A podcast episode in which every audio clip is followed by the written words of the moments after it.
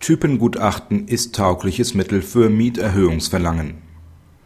Zur Begründung einer Mieterhöhung kann im Rahmen der Vergleichsmiete auf ein sogenanntes Typengutachten zurückgegriffen werden, dieses muss nicht unmittelbar die konkrete Wohnung betreffen. Die Vermieterin legt zur verlangten Mieterhöhung ein Sachverständigengutachten vor. Dieses bezieht sich unmittelbar nicht auf die Wohnung der Mieterin, sondern es werden andere Wohnungen aus dem Bestand der Vermieterin unter Berücksichtigung der Vergleichsmiete bewertet der BgH hält dies ebenso wie die Vorinstanzen für ausreichend und gibt der Klage statt. Stützt der Vermieter seine Mieterhöhung auf ein zur Begründung beigefügtes Gutachten, ist es ausreichend, wenn dieses Gutachten für mehrere Wohnungen erstellt wird.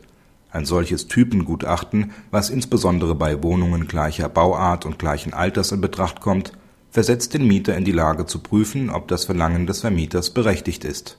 Voraussetzung ist jedoch dass der Sachverständige im Gutachten eine Aussage über die ortsübliche Vergleichsmiete trifft und die betroffenen Wohnungen in das sich daraus ergebende Schema einordnet.